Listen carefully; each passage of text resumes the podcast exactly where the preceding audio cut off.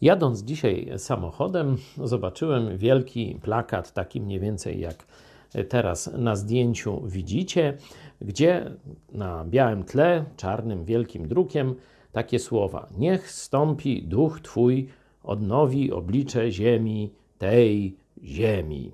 JP2.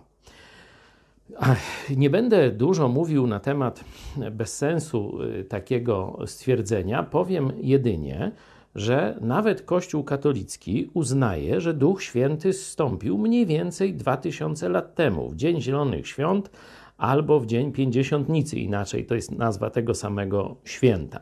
Czyli Duch Święty zstąpił mniej więcej 2000 lat temu, a teraz papież wypowiedział takie słowa, no i wszyscy się tym jarają, że to niby upadek komunizmu to w odpowiedzi na modlitwę papieża.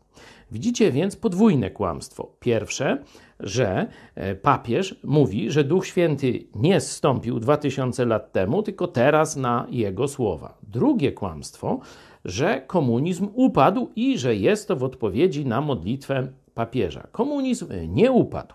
I to kłamstwo jest powodem tej wojny, gdzie teraz giną setki, tysiące niewinnych dzieci, kobiet i cywilów.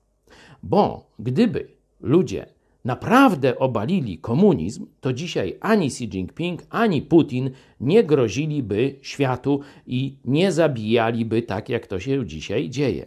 Zobaczcie, kłamstwo niesprostowane, nienaprawione prowadzi do wojny.